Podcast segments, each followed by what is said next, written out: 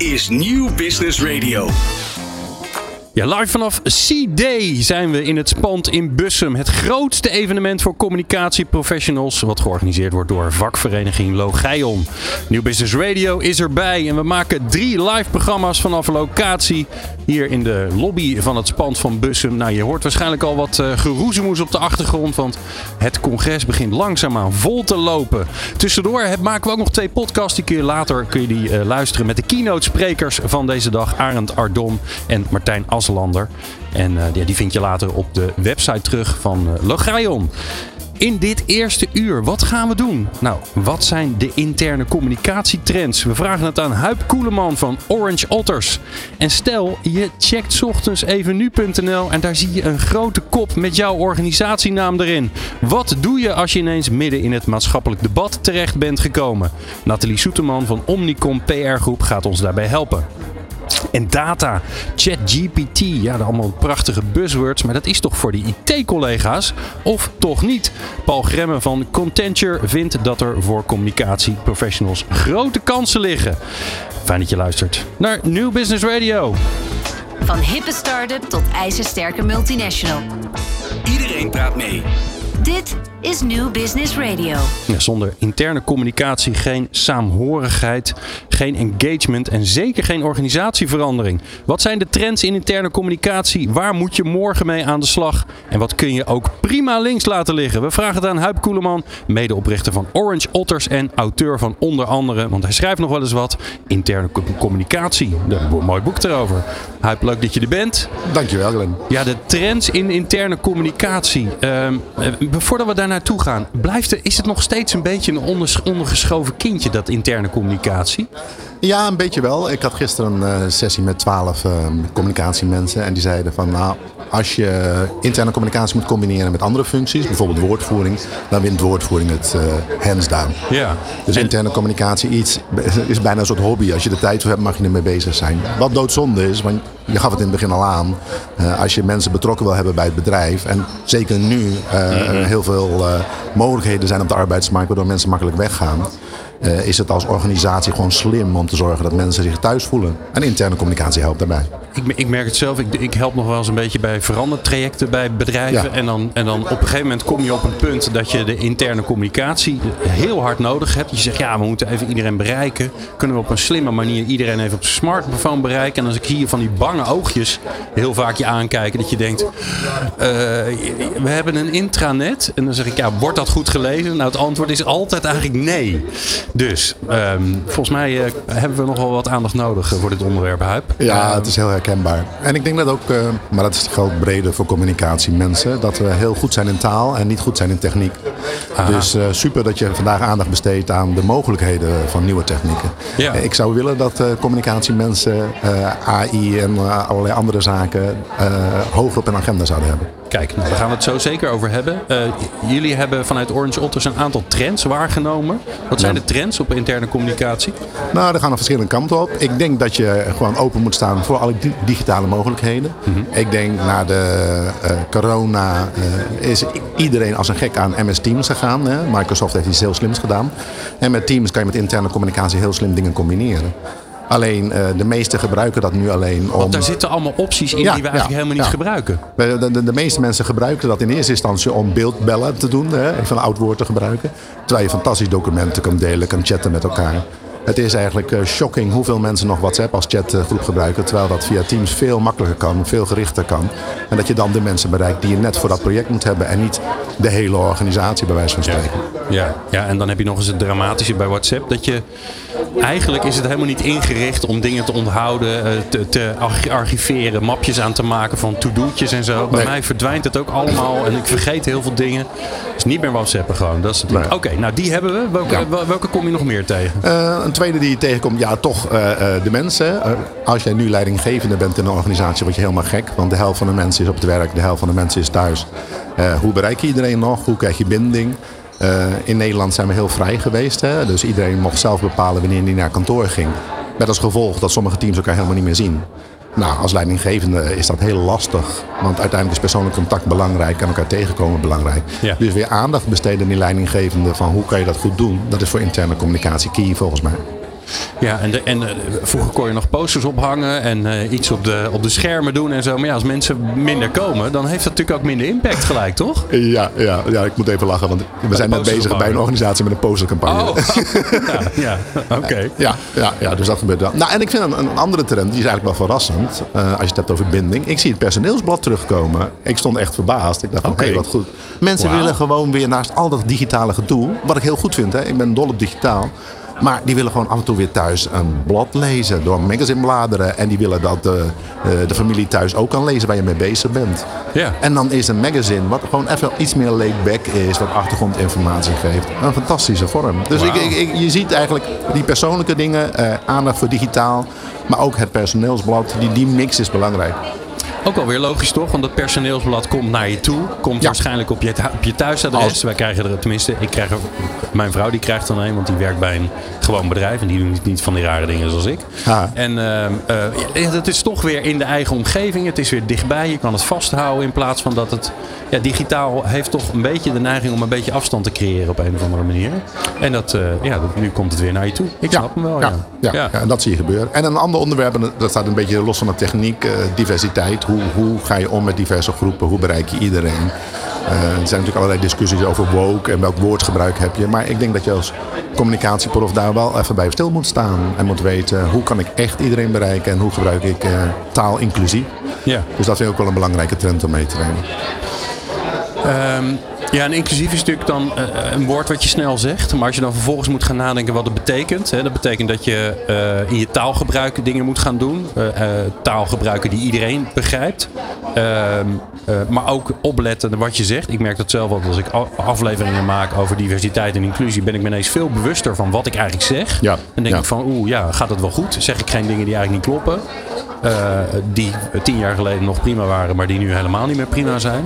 Ja, ja. Het, het levert soms ook eh, te grote zelfcensuur op. Hè? Dan worden we zo voorzichtig in onze teksten dat we niet meer eh, iets eruit durven flappen. Ja. En ja, gaan we daar moeten we een nieuw evenwicht in vinden. Ja. Ja, Ja, nou, dat, dat voelt toch weer een beetje raar, hè? Ja. Als je niet meer mag zeggen dat een griezel een dikke buik heeft of lelijk is. ja. Maar daar heb je een mooie hoe algoritmen eh, dat soort nieuws opeens heel groot hebben gemaakt. Terwijl, dat gaat natuurlijk over Roald Dahl. Hè? Eh, eh, dat dat boek al eh, meer dan een jaar in de winkel lag. Maar omdat een of andere extremistische zender dat opgepakt had in Engeland, opeens iedereen er bovenop duikt. Daar zie je dat oude media eigenlijk nieuwe media volgen en daar een beetje kritiekloos achteraan huppelen. Ja. Dus daar kunnen we ook nog aan, wat aan doen. Hey, en als je dan, ehm, als je dan zeg maar naar interne communicatie kijkt en je kijkt naar de rol die eigenlijk de in- interne communicatiespecialist, expert in de organisatie speelt als het gaat om ehm, eh, de collega's betrokken houden bij het werk, maar ook eh, organisatieveranderingen. Eigenlijk alles wat belangrijk is wat in, wat in die kolkende organisaties tegenwoordig gebeurt. Zie je dan dat die rol ook serieuzer wordt? Eh, ik weet niet of ze serieuzer worden. Eh, wat ik nu zie, en dat vind ik op zich wel mooi, dat mensen even uitzoomen van... hé hey jongens, er is zoveel veranderd. Hebben we eigenlijk alles nog wel goed op een rij staan? Klopt de infrastructuur nog? Hebben we, we hebben intranet, en dat is dan sociaal internet geworden. Maar hoe zetten we dat eigenlijk in? En hebben we dat nog nodig naast eh, teams en eh, collaboratieplatforms? Eh, dus ik, ik denk dat je opnieuw weer moet kijken, hoe staat de boel ervoor? Eh, klopt dat nog met de strategie van de organisatie? En klopt dat nog met mijn rol als communicatieadviseur? Maar als de interne communicatieadviseur niet uitzoomt en denkt van klopt het zootje nog, dan doet niemand het. Dus naast het maken van content moeten we ook echt even kijken van hebben wij nog de juiste dingen op de juiste plaats staan. En daarnaast zijn leidinggevende eh, ondersteunt in het invullen van hun rol. Want soms denk je van, goh, dat doet HR wel. Maar ik heb nu met een paar organisaties rondgelopen. En dan noemen zij communicatieve kwaliteiten van de leidinggevende. Kunnen ze wel functioneringsgesprekken voeren. Terwijl het gaat ook om, kan je mensen meenemen in de verandering? Kan je mensen enthousiast maken? Eh, kan jij luisteren naar wat er in jouw team speelt? Eh, kan je ideeën die er leven naar boven brengen, zodat de rest ook enthousiast wordt? Eh, Ja. Er zit zoveel meer aan. Ja. En volgens mij kunnen we daar nog een wereld winnen. Ja, en kun, kun je vertalen wat er allemaal gebeurt op strategisch niveau, wat altijd toch een beetje vaak vaag praat is. Kun je dat vertalen naar iets wat weer dicht bij mensen komt, toch? Nou ja, en soms moet je ook afvragen, moet je altijd dat strategische gedoe eh, naar iedereen doorgeven? Ik was pas bij een organisatie en gingen we meten. Ik hou van meten en kijken wat is nou het populairste bericht en zo. En dan hoopt de directie altijd dat hun strategische vernieuwing uh, uh, het hoogst scoort.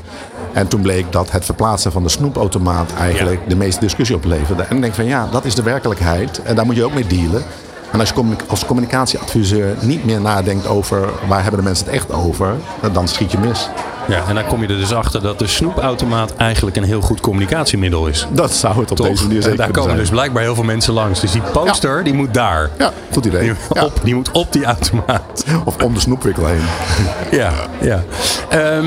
Eh, ander ding, je noemde het al even, hè? Dus, dus het traditionele intranet, de, de, de beweging naar dat sociale intranet, eigenlijk datgene wat je gewend bent. Eh, ik was ook bij bol.com en daar zag ik voor het eerst, al een paar jaar geleden, ehm, ja, Facebook eigenlijk gewoon voor de interne organisatie. Ja, Ook ja. zoals het, nou ja, zoals wij het in ieder geval gewend zijn. De, een generatie Z, eh, die zit er al niet meer op. Hè. Dat is dan weer het nadeel van, daarvan. Helaas. Hoe, hoe zie jij die ontwikkeling? Zet zich dat voort? Eh, nou, ik denk iedereen gebruikt nu sociale platformen, dus dat gebruik je intern ook. Maar ik denk dat we weer opnieuw moeten kijken van eh, waar moet ik voor welke informatie zijn? Moet ik nou bij chat zijn? Eh, moet ik bij het interne Facebook zijn? Moet ik op internet zijn? Of moet ik bij Teams zijn? Want er zijn nu zoveel dingen naast elkaar ontstaan dat mensen de weg kwijt zijn. Dus eh, die kanalen weer een beetje op orde krijgen. Of wanneer moet ik bij mijn eh, leidinggevende of bij mijn collega zijn. Ja. Dus dat weer op, op een rij zetten is denk ik een heel belangrijke. Laten we afsluiten met, ehm, eh, tenminste, met jou, hè, met, met de interne communicatie. We zijn al lang niet klaar. Ehm, wat zou je de interne communicatieprofessionals, die hier ook op eh, C-Day natuurlijk eh, in grote getalen rondlopen, wat, wat zou je ze adviseren? Die hebben het allemaal druk. Eh, dus we kunnen ze honderdduizend dingen vertellen, maar zolang het niet in de agenda past, gaan ze het toch niet doen. Dus in die drukke agenda, wat, waar, welke tip zou je ze willen geven? Van, nou, verdiep je daarin of, of steek daar je tijd even extra in, want dat gaat veel effect hebben. Nou, ik denk echt, heb aandacht voor techniek. Heb aandacht voor de mogelijkheden die er zijn, voor algoritme, voor ChatGPT. Eh, want als je alleen bij jouw taalgebied blijft omdat het veilig is, dan ga je de wedstrijd niet winnen. Oké. Nou, gelukkig gaan we het daar nog veel langer over hebben in deze eerste, dit eerste uur live vanaf C-Day eh, in het Spand in Bussum. Ik moet dan gelijk naar stuiven zin denken. En f- 3,5 seconden later denk ik dan, ja, ik begin een beetje ouder te worden.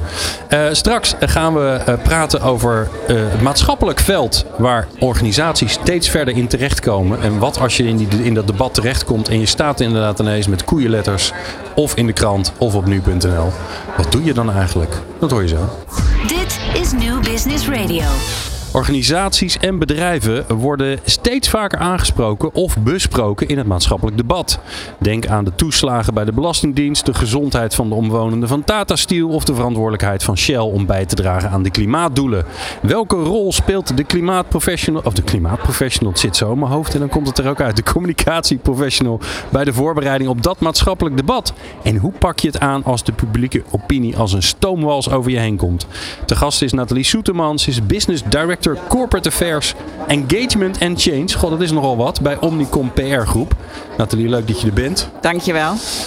Ja, ehm, is dat nou ook echt aan het veranderen? Merk je dat ook? Of is dit eigenlijk van alle tijden en zien we het gewoon vaker? Ja, eigenlijk zoals met alles, eh, sinds social media is alles duidelijker aanwezig. Dus eh, ook dit. Ehm, en we zien natuurlijk ook steeds meer mensen die zich bewust zijn van dit soort zaken, die zich uitspreken over dit soort zaken. Dus het is super belangrijk om altijd voorbereid te zijn op wanneer jij de vraag krijgt over hoe maatschappelijk relevant jij bent als organisatie. En vooral om dat natuurlijk heel geloofwaardig, oprecht en relevant te doen. Ehm, ja, en, en bureaus zoals het onze zijn ervoor om je erbij te helpen Ja. om dat eh, zo goed mogelijk te doen. Maar in, in die kolkende buitenwereld waarbij er opinies overal zijn, waarbij er onderwerpen oppoppen waarvan je van tevoren dacht, huh, ik wist helemaal niet dat dit een onderwerp was. Ehm, hoe, hoe bereid je je daarop voor? Hoe zorg je dat je, ja, dat je klaar staat dat als je in dat publieke debat gesle- gesleept wordt, dat je ook weet wat je moet doen? Ja, het is super belangrijk om inderdaad dat debat te volgen. Hè. Dus dat kun je doen uh, door bijvoorbeeld gebruik te maken van uh, monitoring tools of uh, mensen die dat extern voor je doen bijvoorbeeld. Dus om te weten waar gaat het nou precies over in de maatschappij en um, waar zouden daar links naar jouw organisatie te leggen kunnen zijn. En dat kan zowel op een manier die jij zelf graag naar buiten wil brengen, omdat dat bijvoorbeeld heel erg aansluit bij jouw missie of jouw waarden, hè, waar je organisatie echt vanuit de core voor staat. Ja. Maar het kan ook zijn omdat het bijvoorbeeld jouw uh, key stakeholders raakt. Dus jouw medewerkers of jouw klanten of je investeerders. Of omdat bijvoorbeeld NGO's zich uh, heel erg uitspreken over een onderwerp wat echt raakt aan waar jouw bedrijf mee bezig is. Dus het is zaak om zowel vanuit jezelf na te denken, wat willen wij graag vertellen aan de wereld, waar staan wij voor en hoe doen we dat dan inderdaad ook op een maatschappelijk relevante manier. Maar daarnaast ook kijken en waar gaat het debat over zonder dat we daar al aan eh, deelnemen. En um, ja, wat kunnen we verwachten en ook hoe willen we ons daarin positioneren. Ja. En het klinkt alsof je zegt, enerzijds willen we, heb je dingen die, die juist heel positief voor je kunnen zijn. Hè? Stel je voor dat je, een, uh, dat je, dat je wel al op een hele duurzame manier of heel veel impact hebt, uh, positieve impact hebt op de klimaatverandering, dat je daar heel erg mee bezig bent. Dan kun je natuurlijk je positieve verhaal de wereld in slingeren. Anderzijds heb je natuurlijk ook de dingen die je eigenlijk nog niet zo goed op orde hebt in je organisatie. Hoe, hoe, ga je daar dan mee om? Je, je zwakke punten, wil je die toch een beetje onder het tapijt vegen, voorkomen? Ja, dat is denk ik een beetje hoe dat uh, voordat social media bestond, uh, misschien in sommige organisaties gedaan werd. Ik denk dat uh, wij dat onze klanten nooit op die manier zouden hebben geadviseerd. Maar zeker nu niet. want alles wat jij probeert onder het tapijt te moffelen, moet je vanuit gaan. Kan iemand op de een of andere manier naar buiten brengen. En bovendien is het natuurlijk altijd fijn om gewoon een verhaal te vertellen wat klopt. En waar je ook ja, hè, vanuit authenticiteit achter kunt staan. En uh, je uh, ook uh, ja, zelf je goed bij voelt om dat te vertellen. Um, dus zaak is eigenlijk om daar gewoon zo transparant mogelijk over te zijn. Om aan te geven van we hebben het in het vizier. Dit is de stip op de horizon. Hier willen we naartoe. Hier streven we naar. Dat past, zoals ik net al zei, bij onze waarden, bij onze missie. Maar we zijn er nog niet. En uh, dit zijn de stappen die we al gezet hebben. Uh, en, en het is ook super belangrijk om niet alleen uh, naar je eigen organisatie te kijken, maar ook naar hoe kan je in dialoog met stakeholders, met hè, je klanten, met je investeerders, maar misschien ook met die NGO of universiteiten of waar de ontwikkeling ook maar mogelijk is, om samen te kijken hoe je samen stappen verder kunt zetten. Ja, en, nou is een van de uh, uitdagingen van onze tijd is dat de waarheid, daar zijn er ongeveer 344 verschillende versies van. Hoe ga je daarmee om? Want, want wat is nog waar? Wat klopt nog? Uh, iedereen verwijst tegenwoordig naar wetenschappelijke artikelen.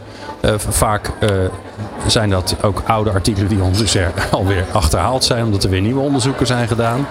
Dus hoe zorg je dat je een, een verhaal hebt, een narratief hebt, wat ook, wat ook klopt?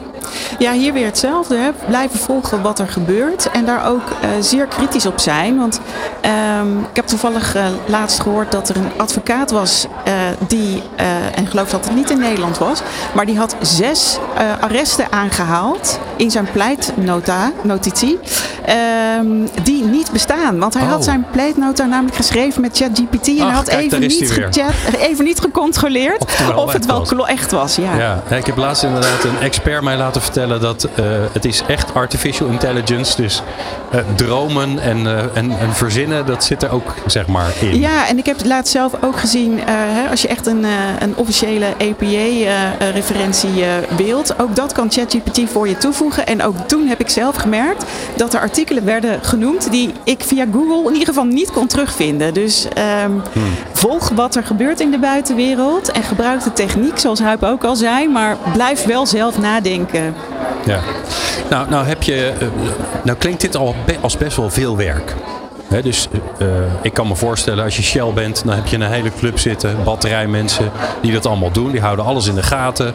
Die, al die schaakborden, al die stakeholders, al die onderwerpen waar ze uh, in het maatschappelijk debat of al betrokken zijn of ingetrokken zouden kunnen worden. Maar ja, als je een MKB'er bent met 150 mensen, ja, dan heb je niet uh, 20 mensen op public affairs zitten. Dus hoe doe je dat als ja, klein, middelgroot bedrijf? Nou ja, zaak is denk ik sowieso te focussen. Hè, om te weten van wat zijn dan de belangrijkste onderwerpen. Um, zowel weer waar je je op wilt positioneren, uh, maar ook waar de buitenwereld van vindt dat jij een mening over zou moeten hebben. Of waar ze een invalshoek zien waar jij in ieder geval een rol zou moeten spelen.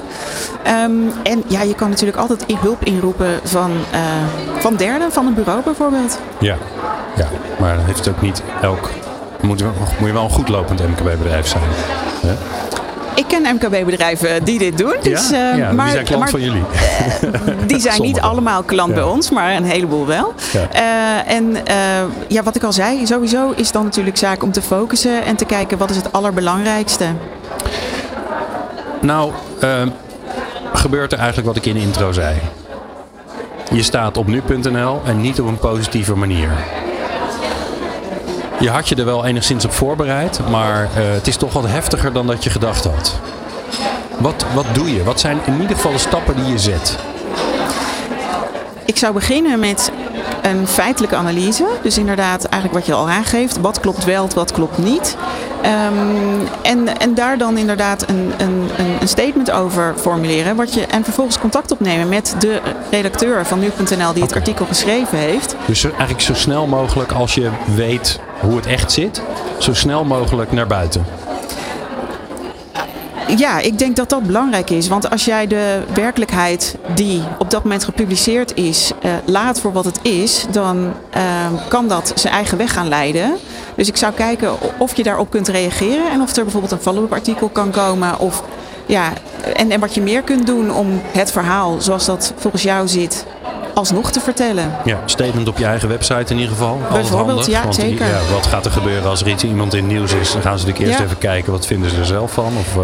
En om nog even in te haken op uh, wat Huip uh, net vertelde. je medewerkers zijn natuurlijk ook een ongelooflijk belangrijk communicatiekanaal.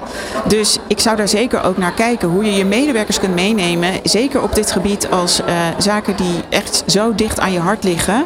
Waar je voor wil gaan en staan in de maatschappij. Betrek medewerkers in die dialoog, in die standpunten formuleren met elkaar.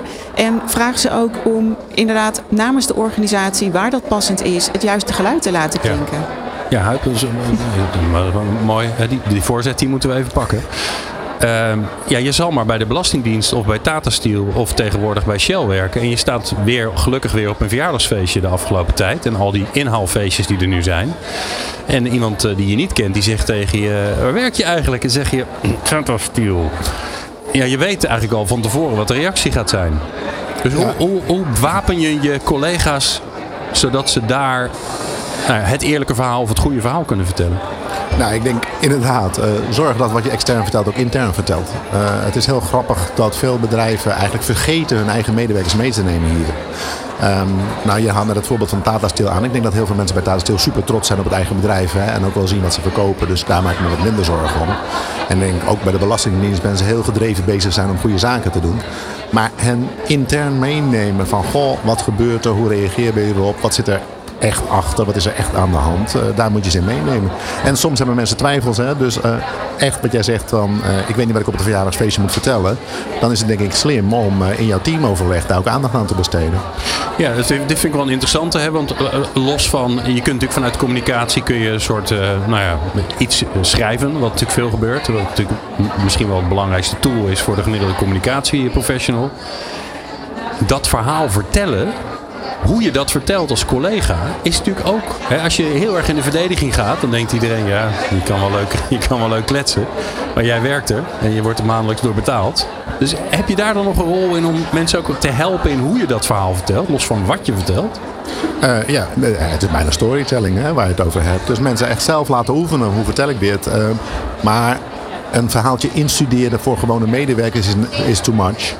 Uh, gewoon over praten en er aandacht aan besteden. En realiseren dat mensen het soms ook moeilijk vinden om daarover te praten.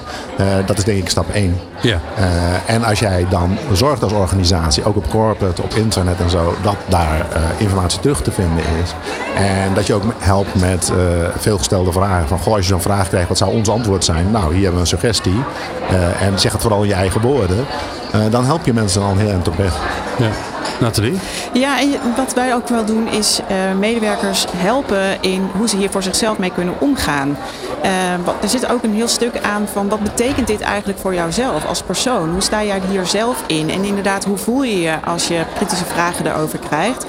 Ehm, en ja, sommige mensen vinden dat misschien heel soft klinken, maar wat wij echt super belangrijk vinden is om ook aandacht te besteden aan uh, compassie, empathisch vermogen, verbindend communiceren en daarbij ook naar jezelf te kijken. Wat doet dat met mij? Ja. En um, wat past wel en niet bij mij? En welke onderwerpen wil ik wel en niet een mening over hebben? En um, hoe kan ik dat inderdaad doen op een manier die bij mij goed voelt en die niet voelt alsof ik me enorm aan het verdedigen ben voor, en zeker niet over een onderwerp waar ik eigenlijk niet echt het, het fijne van weet, bijvoorbeeld. Dus um, je hebt het over teksten schrijven, super belangrijk. Maar ik denk dat de moderne communicatieadviseur ook een rol heeft in een heel proces faciliteren en mensen ook de skills en de tools en de vaardigheden geven. Dus dat er ook training en coaching bijvoorbeeld bij hoort. En iets als community vorming. Hè? Dus de discussie over hoe doen wij dit met elkaar. En mensen elkaar tips laten geven. Dat soort zaken. Dus Ja. alleen teksten schrijven. Ik denk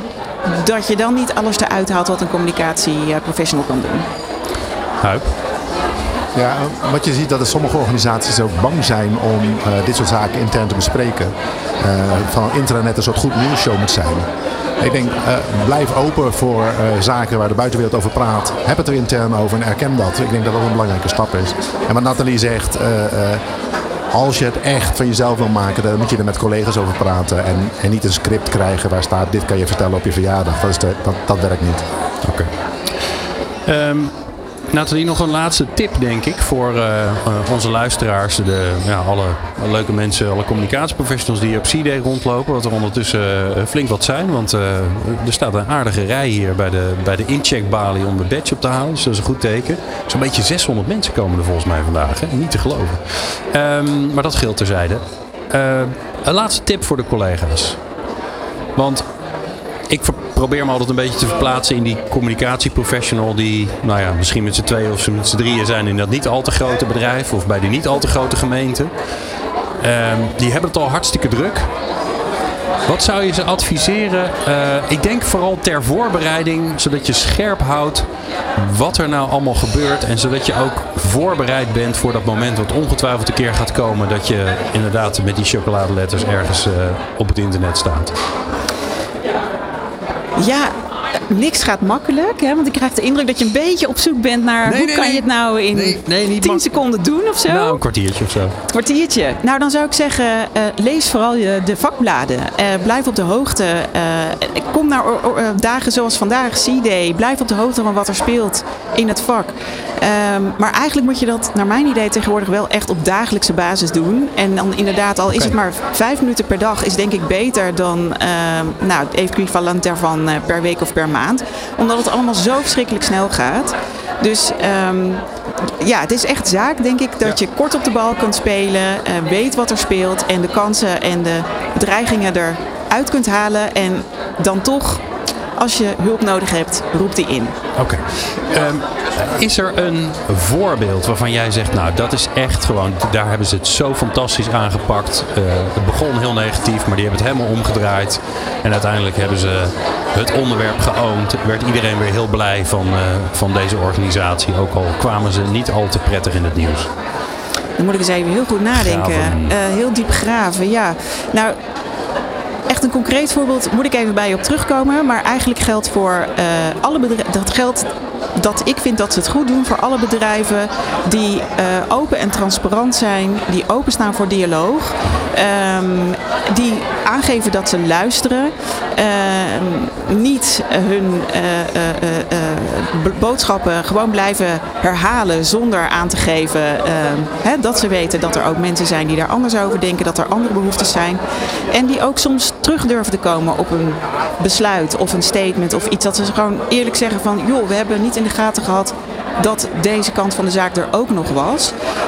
Um, dus me, eigenlijk bedrijven die zich als mens laten zien. Ah, een bedrijf. En de organisatie moet gewoon menselijk worden. Zeker. Nou, dat vind ik een prachtig einde van uh, uh, ons gesprekje nu. Maar we gaan straks uh, natuurlijk gewoon verder met data.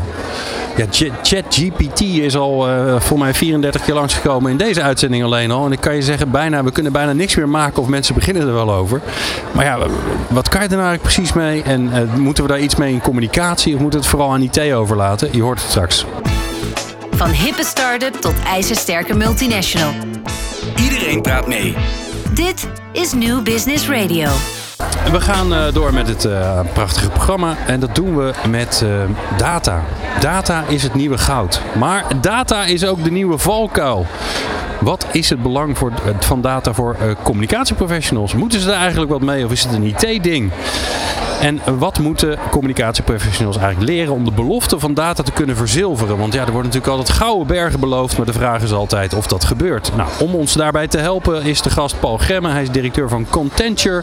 En hij is ook nog eens een keer lid van het trendteam van Logeion. En hij is een vurig pleitbezorger, dat gaan we zo achterkomen, van data in het communicatievak. Nou, Paul, je hebt al uh, drie voorzetten gekregen volgens mij van, uh, van Huip en Nathalie over hoe belangrijk het is, eigenlijk is om uh, ja, veel meer met technologie bezig te zijn binnen het communicatievak. Waarom is dat zo? Nou, omdat er we in een steeds complexere wereld leven met steeds meer doelgroepen die steeds mondiger worden. Um, en dan moet je daarop inspelen. En dat uh, werkt niet meer met een aloude brief sturen. Um, wat uh, Huip aangaf, uh, dat is een tendens die wij ook zien. Er gaat binnenkort weer een Marketeer of the Year benoemd worden. Die heeft bedacht, jongens, weet je wat we gaan doen? We gaan een magazine uitgeven. Een print magazine. Uh, waarom is dat? Omdat dat een andere manier is om informatie te nuttigen. Maar als jij op het werk zit, dan wil jij zakelijk en snel je informatie krijgen. Um, en je ziet die hele tendens, die zie je ook in informatiestromen. Hè. Je moet online moet je informatie scannend kunnen lezen. Want niemand begint bovenaan te lezen en stopt onderaan. Je scant eerst een pagina, dan kijk je aan de koppen. Is dit interessant voor mij om te lezen? Als je dat interessant vindt, dan begin je. En anders ga je door naar de volgende. Uh, jouw aandacht is one swipe away. Uh, dus daarom moet je daarop anticiperen.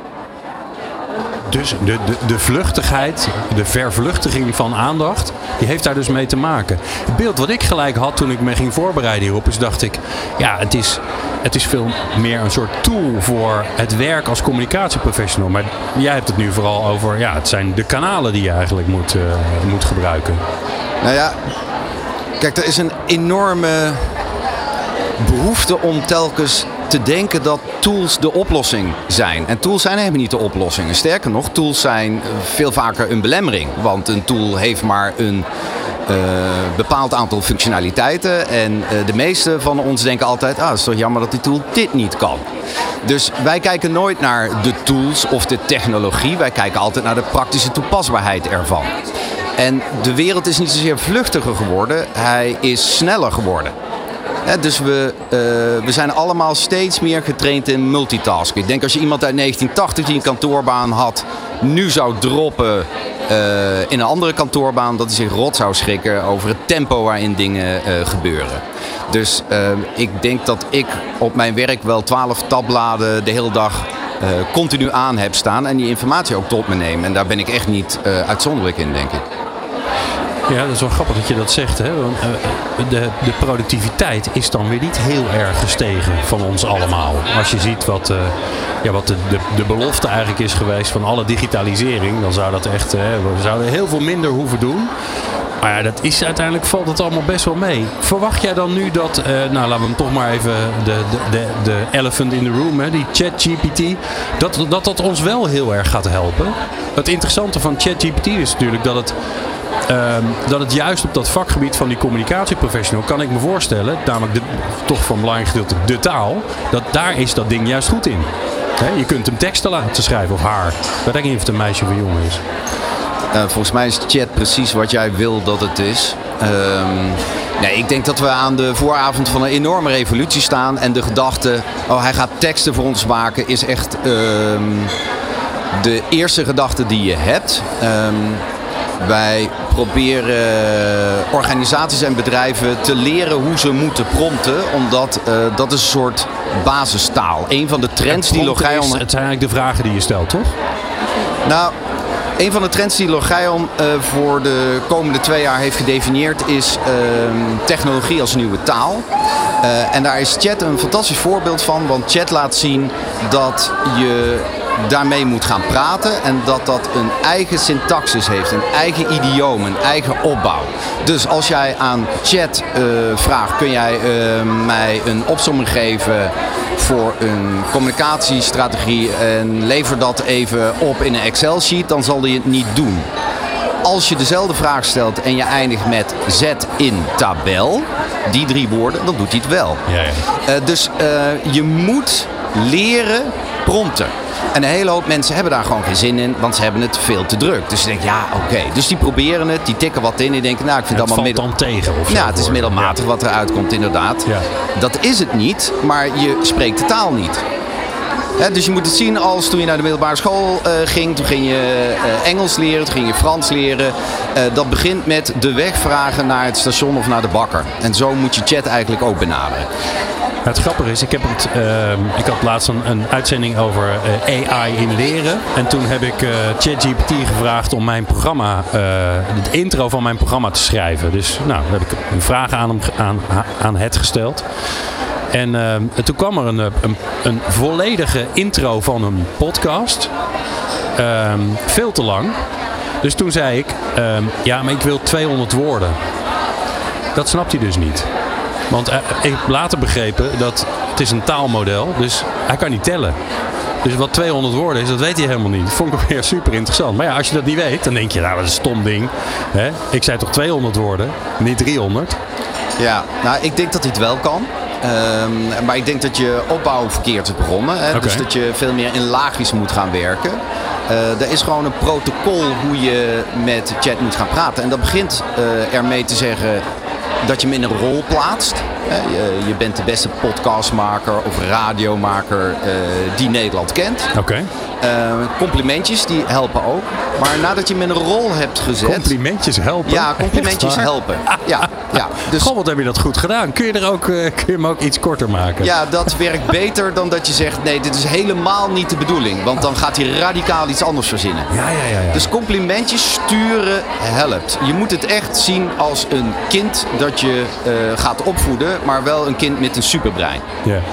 Nou, als je hem eh, in een rol hebt gezet, dan zeg je daarna wie de doelgroep is en wat je doel is. Daarna ga je hem zijn taken geven. Eh, of je voedt hem met een voorbeeld. Stel, jij had een heel goed script liggen. Dat je zegt, nou, kijk hier eens naar. Eh, dan zal hij dat als leidraad gaan nemen. Oké.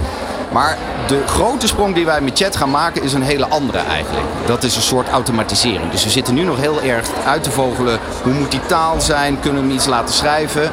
Ehm, maar ik heb vandaag bijvoorbeeld een filmpje meegenomen. Ik heb het ook op LinkedIn gezet. Waar je een automation ziet. Dus je gaat kijken hoe schrijf ik een goede prompt. En dan ga je kijken wat kost ons nu eigenlijk heel veel tijd. En wat ons heel veel tijd kost is... Oh, we hebben een artikel geschreven en nu willen we een hele hoop verschillende social media posts. Sterker nog, ik wil er 15. Nou, als ik dat aan een redacteur vraag, doet hij daar vier uur over. Eh, we hebben nu een automation waarbij we zeggen... Scan dit verhaal, scrape dit verhaal van onze website. Maak voor LinkedIn, voor Twitter en voor Facebook ieder vijf posts. Zet die post in een Google Doc. Geef die Google Doc een naam en presenteer het. En dan draait hij er in één keer in drie minuten 15 social media posts uit. Dus je ziet een enorme versnelling van vier uur werk naar drie minuten werk. Wauw. En dat is eh, de snelheid waar we naartoe gaan. Maar je zult hem op veel meer eh, niveaus eh, straks gaan zien. Als je naar nou, het onderwerp van de huip, als je naar interne communicatie kijkt, dan zou je kunnen gaan trainen. Stel je zit bij Tata en je vindt zo'n gesprek op je verjaardagsfeestje moeilijk, dan kun je dat trainen met ChatGPT. Dus je richt een room in waarin je de moeilijkste vragen en je blijft keer op keer blijf je die training doen met elkaar. Oké, dus ehm, eh, we staan aan het begin. Conclusie. Ehm, ik hoor jou ook zeggen, besteed er tijd aan. Niet omdat het gelijk binnen drie seconden je heel veel eh, op gaat leveren in je dagelijks werk. Uiteindelijk wel. Maar vooral omdat je eigenlijk weer een nieuwe taal moet gaan leren. Ja, en het is een uh, essentiële skillset voor een communicatieprofessional. Een hele hoop mensen denken, het gaat, uh, chat gaat mijn baan overnemen. Chat gaat jouw baan niet overnemen. Maar iemand die heel goed kan werken met chat gaat wel jouw baan overnemen. Want uh, je kunt dingen gaan automatiseren. je kunt eindredactie voeren samen met chat. Ben je een brainstorm aan het doen, dan is chat supergoed. Want die denkt out of the box. Die kent jouw beperkingen niet. Die kent jouw wereld niet. Dus als je iemand wil hebben die out of the box denkt, dan moet je bij chat zijn. Dan heb je ook nog allerlei gradaties in chat. Je kunt hem instellen. Chat 4 is al totaal anders dan chat 3,5. Um, um, maar hij is eigenlijk nog veel interessanter op dit moment voor ons in een automatisering. Dus je automatiseert je taken en doe dat dan vooral op de taken waar je zelf een bloedhekel aan hebt. Ga niet uh, je leukste taken weggeven aan moet je chat. lekker zelf luisteren. Ja, waarom zou je dat doen? Ja, ja, inderdaad. ja nee, dat is wel een heel, goede tip. Um, we hebben het heel veel over ChatGPT. Het is vast niet de enige uh, AI-achtige tool die, die er daar is. Welke moeten we eigenlijk ook naar gaan kijken? Want iedereen zit hierin in te rommelen. Ja, nou, lekker daarin blijven ronden zou ik zeggen. Uh, wij monitoren het. Ik schrijf er ook vrij veel over, omdat wij er veel testen. En er komen er iedere maand komen er tientallen op de markt. zijn allemaal zeer uitwisselbaar, als ik heel eerlijk ben. Uh, okay. Ja, uh, dus uh, sommige zijn specifiek getraind, daar heb je iets meer aan. je hebt bijvoorbeeld Whisper, die kan van jouw audioberichten alles in tekst omzetten.